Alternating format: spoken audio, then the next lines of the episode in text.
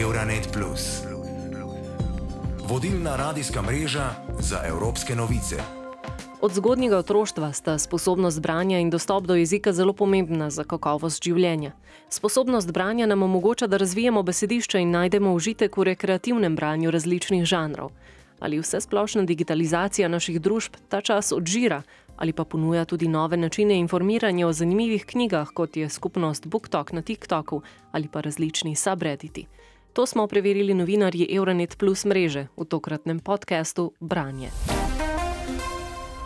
O tem, da nas vse prisotnost digitalnih tehnologij vodi v površno in razpršeno branje, je bilo veliko govora že na oktobrskem frankfurtskem knjižnem sejmu, kjer je bil predstavljen tudi ljubljanski manifest branja na višji ravni.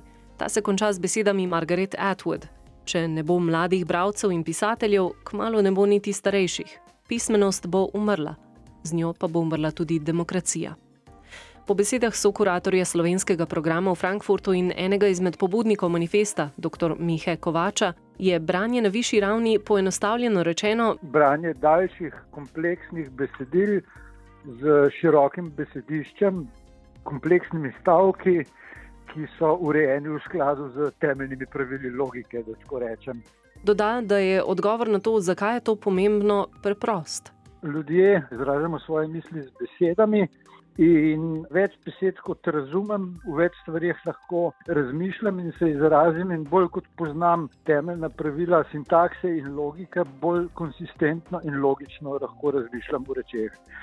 In tisto, kar je seveda ključno, je, da nam vsaj po moji vednosti, nobena druga intelektualna, razumska, umska aktivnost ne da vsega tega, kar nam da branje na višji ravni. Branje na višji ravni je v resnici ene vrste trening za analitično mišljenje brez branja na višji ravni te sposobnosti enostavno ne moremo razviti. Pove tudi, da ljudje. Zdaj beremo več, kot so ljudje kdajkoli brali v zgodovini, ker pač ogromno preberemo za slonskih medijev, ampak to je v glavnem hitro, refleksno branje, ki nas spodbuja pismenosti, seveda. Dr. Svetla Petrova z Inštituta za raziskave v izobraževanju v Bolgariji, ki je za radio BNR govorila z Rosico Aleksandrovo, pove enako думите на един американски професор, който казва, че... Nek ameriški profesor je dejal, da se paradoksalno danes več bere, vendar manj razume. Še posebej mladi berejo v zelo spremenjenem okolju, vse več se bere v elektronskem okolju. Prešli smo z tiskanega na digitalno besedilo, kar je zelo prisotno tudi v šolah. Dobesedno najnovejše pobude Ministrstva za izobraževanje vključujejo digitalni nahrbtnik, ki uvaja digitalno besedilo kot del del celovite priprave študentov. Okolje, v katerem poteka branje, se je dramatično spremenilo, kar samo po sebi vodi do spremembe v vlogi bravca. Danes ne beremo le besedila pasivno, ampak smo udeleženci v interakciji z besedilom in včasih celo ustvarjamo lastno besedilo. Drugo vprašanje je, kako dober je sam proces branja, še posebej v digitalnem okolju, in tu obstaja več študij, ki postavljajo veliko vprašajev.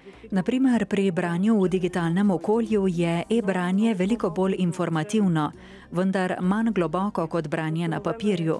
Empirično je bilo ugotovljeno, da pri branju spletnih strani preberemo povprečno manj kot 30 odstotkov besed, ki bi jih sicer prebrali, če bi bilo besedilo na papirju. Tudi v Sloveniji so novembra na Ministrstvu za vzgojo in izobraževanje predstavili projekt e-torba, v okviru katerega je zaživela enotna nacionalna platforma za brezplačne elektronske učne vire od četrtega razreda osnovne šole do konca srednje šole. Tako vodja projekta z šolskega ministrstva Mirjam Oblak, kot tudi šolski minister Dario Felda, pa povesta, da je nov portal le dodatek in nikakor ne sme nadomestiti fizičnih učbenikov. Jaz kot zgodovinarka lahko otroke peljem na sprehod po Gizi ali pa v starodavni Rim, kar ne morem s tiskanim učbenikom. Kot biologinja jim lahko pokažem, kako bije srce, da ne bojo samo scrollali po internetu pa brali člankov na Wikipediji. Pomislite na se, kolikrat mi preberemo članek na Wikipediji ali pa članek tudi ne vem v medijih, a si ga potem zapolnemo. Nekatere države morda so prehitro šle v to digitalizacijo, Izkazalo se pa je, da to ni dobro, ker potem tudi dejansko so bili rezultati na mednarodnih preizkusih znanja slabši. učenje iz fizične knjige, raziskave kažejo, da si bolje zapomnimo, da imamo recimo veliko boljšo časovno predstavo, da si zapomnimo več podatkov. Tako da ne, ne opuščamo fizičnih knjig, ampak želimo v bistvu potegniti najboljši iz obeh svetov. Projekt, vreden 1,65 milijona evrov, je financiran tudi strani EU. Torej, ni vse digitalno slabo in obstajajo tudi digitalne skupnosti, kot je BookTok na TikToku ali BookTube na YouTubu, pa tudi nekateri subredditi, ki spodbujajo branje. Še več, zdi se, kot da udeleženci med seboj celo tekmujejo o tem, kdo bo prebral več.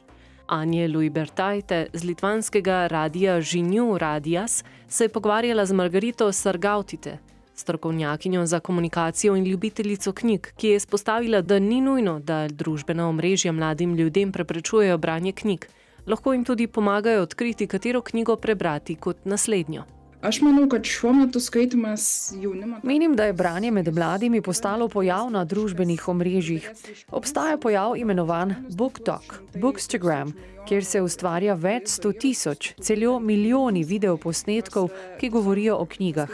Sam proces branja je romantično prikazan in dejansko se pogosto ujamem, da porabim več časa za te romantične videoposnetke v knjigah, kot pa dejansko za branje same knjige. Na portugalskem Pedro Sobral predsednik Portugalske zveze založnikov in knjižničarjev, medtem po lanski 16-odstotni rasti knjižnega trga pričakuje, da bodo leto 2023 zaključili še z dodatno rastjo med 4 in 5 odstotki.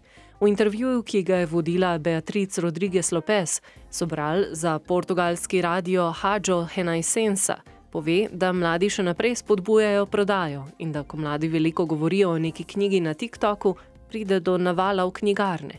Klasična dela ostajajo del izbire, vendar v formatu stripa. Opazili smo pomembno razliko v paradigmi od zaprtja tekom COVID-a, pri čemer vedno več mladih med 15 in 35 letom kupuje knjige. Leto 2023 kaže enak trend kot lani, knjižni trg pa še naprej raste. Letošnje leto se pričakuje, da bo knjižni trg končal z dodatno rastjo med 4 ali 5 odstotki. Rast je še vedno predvsem posledica mladih. To je opazno zlasti med segmenti, ki jih najpogosteje berejo, predvsem fikcijo nasploh, tisto, kar imenujemo mladinsko branje, vsebino, ki predstavlja presek med starostjo 13 in 20 let. Poleg tega še vedno obstaja veliko popraševanja po mangah in stripovskih romanih, torej iskanje vsebine, tudi mnoge klasične, v formatih, ki se razlikujejo od tistih, ki so običajno brani na portugalskem. Vendar pa si moramo zapomniti, da še naprej beležimo najnižje stopnje branja in pismenosti v Evropi. Podatki so dobri, vendar imamo še veliko dela. Do leta 2019, pred pandemijo, je bila pretežna večina knjig, ki so bile kupljene na portugalskem, ne glede na starostno skupino in socialni razred, na razprodaji. Na to, da kljub obstoju spletnih skupnosti, ki so namenjene branju, pismenost med mladimi ne narašča ne v Sloveniji ne na portugalskem, je pokazala tudi mednarodna raziskava PISA 2022. Slovenski 15-letniki so v bralni pismenosti dosegli podpovprečne rezultate v primerjavi s preostankom OECD. Poleg tega se je odstotek tistih, ki ne dosegajo temeljne ravni bralne pismenosti od leta 2018 do 2022, povečal z 18 na 26 odstotkov. Najvišje bralne znanja in spretnosti medtem dosegajo le 4 odstotki slovenskih dijakov, v državah OECD pa je ta delež 7 odstotkov. Šolski minister Dario Felda je v odzivu na objavo rezultatov raziskave napovedal podrobnejšo analizo in ukrepe, s katerimi bi obrnili trend.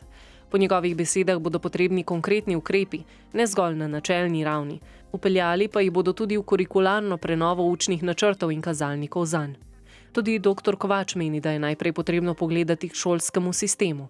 Mi bi se najprej morali vprašati, kaj vsa ta povodn odličnjakov ob vedno slabši bralni pismenosti pomeni. In odgovor bi seveda moral biti, da moramo v izobraževalnem sistemu se vrniti na 30 let nazaj, ko smo imeli ocene od 1 do 5 in je bilo povsem normalno, da imajo učenci tudi ocene 2, 3 in 4, ne pa zgolj odlične ocene. Tako da to bi bila seveda prva stvar, ki bi bilo smiselno narediti. Druga stvar, in to seveda zahteva en pomemben obrat, ne samo v glavah ljudi, ki vodijo izobraževalni sistem, ampak predvsem v glavah staršev, ki bi se mogli zavedati, da bolj kot hodijo ropotati in gnjaviti učitelje v šolo, večjo škodo v večini primerov delajo s tem svojim otrokom. Slabi rezultati raziskave skrbijo marsikatero državo, med drugim tudi Bolgarijo. Za BNR je z Rosito Aleksandrovo Emil Radev, bolgarski poslanec Evropskega parlamenta iz skupine EPP, povedal. Международното изследване ПИЗа алармира за тревога. Mednarodna študija PISA je sprožila alarm zaradi zaskrbljujočih rezultatov glede funkcionalne pismenosti med 15-letniki. In če je to danes problem, si predstavljajte, kaj pomeni to za prihodnost. Ali se današnji 15-letniki kvalificirajo kot generacija Z, ali pa so med dvema generacijama, je stvar interpretacije. Vendar v vsaki generaciji obstajajo bravci in nebravci. Če pa želimo razvoj in rast, moramo poskrbeti, da je bravcev veliko veliko več. Izjemno razkrivajoča glede tega je študija iz leta 2020, ki jo je izvedel Inštitut za raziskave in izobraževanje v Bolgariji. Ugotovili so, da je razlika v bralni pismenosti med učenci, ki redno berajo leposlovje, in tistimi, ki takšne literature nikoli ne berajo, enako vredna skoraj dvema letoma šolanja. Drugače povedano, branje knjig iz užitka omogoča ogromno prednost. Najprej bravcu, a na zadnje celotni družbi. Strokovnjaki pravijo, da je generacija Z generacija pragmatikov, zato menijo, da je pomembno več govoriti o knjigah kot orodju za osebno rast. Predstavniki generacije Z ne potrebujejo jasne ločnice med svojimi dejavnostmi na spletu in izven njega, saj so prvi otroci digitalnega sveta in praktično ne poznajo življenja brez interneta, ter spletno vsebino neprestano konzumirajo. V samo letu ali dveh bodo člani generacije Z predstavljali večino delovne sile, njihovi okusi in preference bodo določali največji delež blaga in storitev, vključno s knjigami. Ko smo jaz in moja ekipa izbirali knjige za nakup letos, nam je knjigarna toplo priporočala fantazijski roman z naslovom Četrto krilo in izkazalo se je, da je ta knjiga zelo iskana med mladimi, saj je dobesedno zauzela TikTok.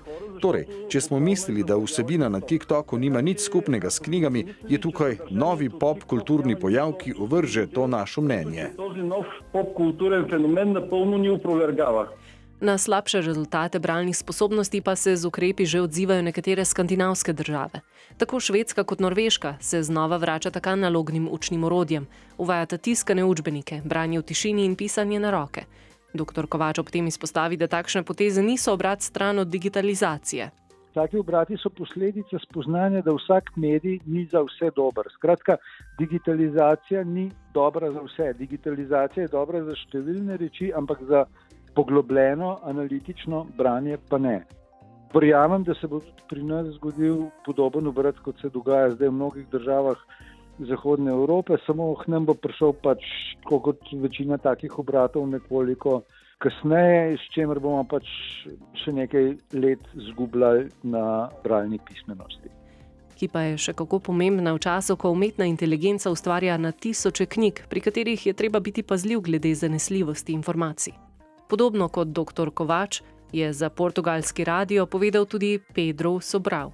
A Suécia não está a tirar Švedska ne odstranjuje digitalnih vsebin iz šol, temveč išče ravnoteže v dopolnjevanju med papirnatimi in digitalnimi sredstvi. Tudi mi, uredniki, vidimo nekaj prihodnosti v digitalnem, vendar ne moremo nenadoma končati z uporabo papirja. Obstaja veliko študij, ki jih še naprej predstavljamo Ministrstvo za izobraževanje in ki pravijo, da se celoten kognitivni proces učenja in interpretacije besedila s tistim, kar je mišljeno, izvaja na veliko bolj optimiziran način s papirjem kot s digitalnim. Branje v papirnatem formatu napram digitalnem nam lahko prinese več koristi, zlasti v poglobljenem razumevanju tega, kar beremo. Očitno pa imajo tudi digitalne vsebine pomembno vlogo. Pomislimo na poučevanje znanosti, naprimer, ko lahko modeliramo človeško telo v 3D in preučujemo fiziko z uporabo audio-video vsebin. To prinaša bogatstvo izobraževanju, ki koristi tudi papirju. Ne moremo biti puristi, razmišljati, da bi se poučevanje moralo ustaviti v 19. stoletju pri uporabi papirja ali pa da bi nenadoma pritiskali z izključno digitalno dogmo. Qualquer dogma única exclusivamente digital. Kakšna je torej po mnenju dr. Kovača prihodnost branja? Jaz osebno verjamem, da bodo dolgoročno preživele tiste družbe in civilizacije, ki bodo ohranile branje na višji ravni kot enega od svojih kulturnih in civilizacijskih temeljev. Verjamem, da take družbe bodo. Hkrati se pa tudi bojim, da ni nikjer nujno in samoumevno, da bodo to kot vrednoto ohranile vse družbe in tiste, ki tega ne bodo ohranile, bodo pač se razvijale bolj počasi in bodo pač zaostajale ali pa celo propadle. Euronet Plus za boljše razumevanje Evrope.